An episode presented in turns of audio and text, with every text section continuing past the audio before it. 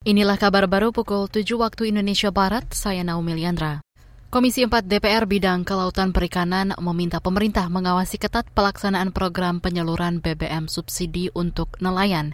Anggota Komisi 4 DPR Daniel Johan mengatakan, pemerintah harus memastikan seluruh nelayan di Indonesia mendapat manfaat program BBM solar satu harga sebesar Rp6.800 per liter. Ya kita dorong ini berlaku untuk semua nelayan kecil se-Indonesia. Kalau nggak kesian dong diskriminasi dong. Tinggal memang ada keberpihakan politik anggaran bagi nelayan. Kalau persoalan BBM ini nggak diatasi dengan baik ya kenaikan yang begitu tinggi saat ini sangat banyak kapal-kapal yang tidak melaut nanti nelayan bisa musnah dari Indonesia karena bahan bakar begitu tinggi sehingga saat mereka melaut bukan keuntungan yang mereka dapat tapi kerugian. Nah sehingga itu harus dipikirkan dalam konteks juga ketahanan pangan kita karena Indonesia juga kekurangan ikan kalau nggak. Itu tadi anggota Komisi 4 DPR Bidang Kelautan Perikanan Daniel Johan.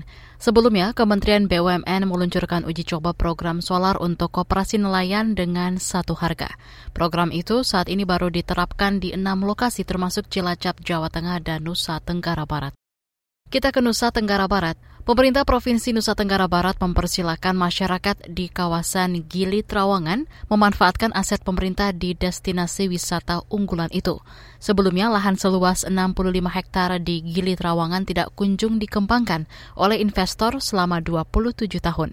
Ketua Satgas Optimalisasi Aset Pemprov Gili Trawangan, Asanul Malik, mengatakan kerjasama pengelolaan aset itu telah diakhiri. Kerjasama dibatalkan dan lahan dikembalikan ke pemerintah daerah pada 9 September lalu. Satgas sudah bekerja sesuai dengan porsi yang diperintahkan oleh pimpinan, di mana uh, kita mengarahkan masyarakat untuk bekerja sama dengan Pemprov NTB melalui uh, perjanjian kerjasama pemanfaatan lahan yang sudah diatensi oleh Komisi Pemberantasan Korupsi, kemudian Kementerian Dalam Negeri, dan BPK, termasuk uh, Inspektorat uh, Provinsi Nusa Tenggara Barat. Pada akhir pekan lalu, Menteri Agraria dan Tata Ruang sekaligus Kepala Badan Pertahanan Nasional Hadi Cahyanto mengunjungi Gili Trawangan. Pemerintah memberikan kesempatan kepada masyarakat untuk mengelola lahan di Gili Trawangan dan diberikan kepastian hukum berupa pemberian sertifikat hak guna bangunan atau HGB. Sertifikat hak guna bangunan ini bisa digunakan sampai 80 tahun ke depan dan bisa diperpanjang. Sertifikat juga bisa untuk mendapatkan modal usaha dengan mengagunkan di lembaga keuangan atau perbankan.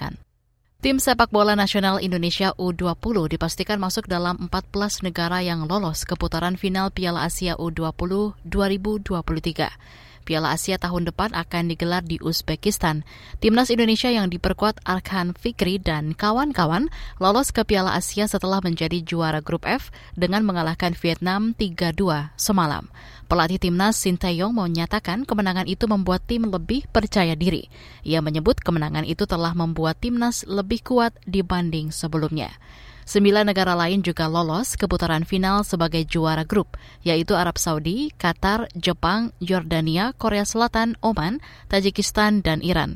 Sedangkan empat negara lolos sebagai runner-up grup terbaik, yaitu Vietnam, Kyrgyzstan, China, dan Suriah. Demikian kabar baru KBR, saya Naomi Liandra.